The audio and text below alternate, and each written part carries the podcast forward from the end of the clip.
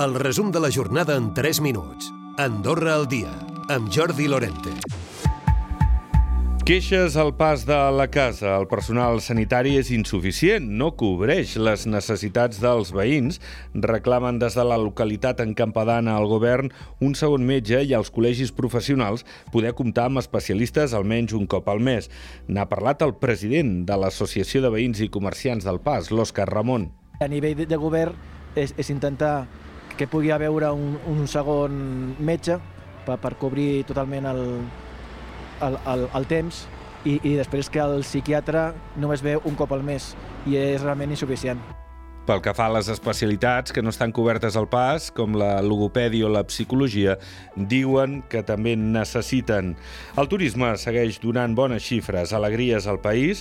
Si al setembre de l'any passat hi va haver 742.000 visitants, aquesta dada s'ha convertit el mes passat en 818.000, el que representa un increment d'una mica més del 10%. La pujada més gran es troben els que venen de països diferents d'Espanya o França, que han crescut més del 20% i aquest eh, segon trimestre de l'any han crescut també el 7% els permisos de residència i treball i un 22,5% les autoritzacions de treball temporal per a empreses estrangeres.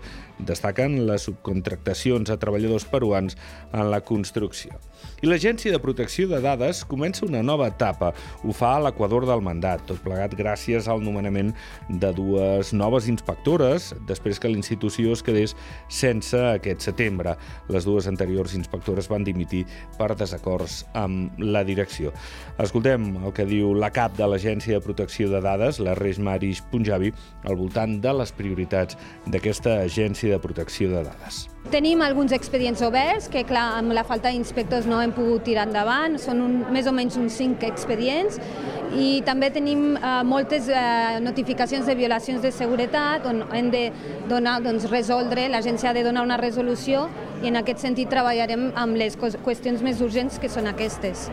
Primera volta de les eleccions argentines aquest diumenge, un resultat eh, sorprenent, ja que Massa s'ha imposat a eh, Melei, el que era, en teoria, segons les enquestes, el favorit. Eh, amb tot, queda una segona volta, però des del país, des d'aquí a Andorra, argentins que viuen amb nosaltres no veuen una situació còmoda ni fàcil al seu país. La gente termina votando lo mismo. En vez de quejarse o salir a la calle, lo que sea, no. Es siempre aceptar que vamos a vivir así y que es cíclico. La gente que quiere progresar ha de marchar ha de marchar, o sea, no, no, no puedes quedarte ahí. Si sigue la situación económica como está, con una inflación del 300% anual, creo que esto va, mucha gente se va a ir, porque no, no hay un futuro. Ordino celebrarà el proper cap de setmana el tercer aniversari com a reserva de la biosfera, posant en valor el patrimoni sonor, que porta inclosa una activitat inclusiva. Serà el dissabte de les 9 del matí i durant 12 hores. Recupera el resum de la jornada cada dia a AndorraDifusió.d i a les plataformes de podcast.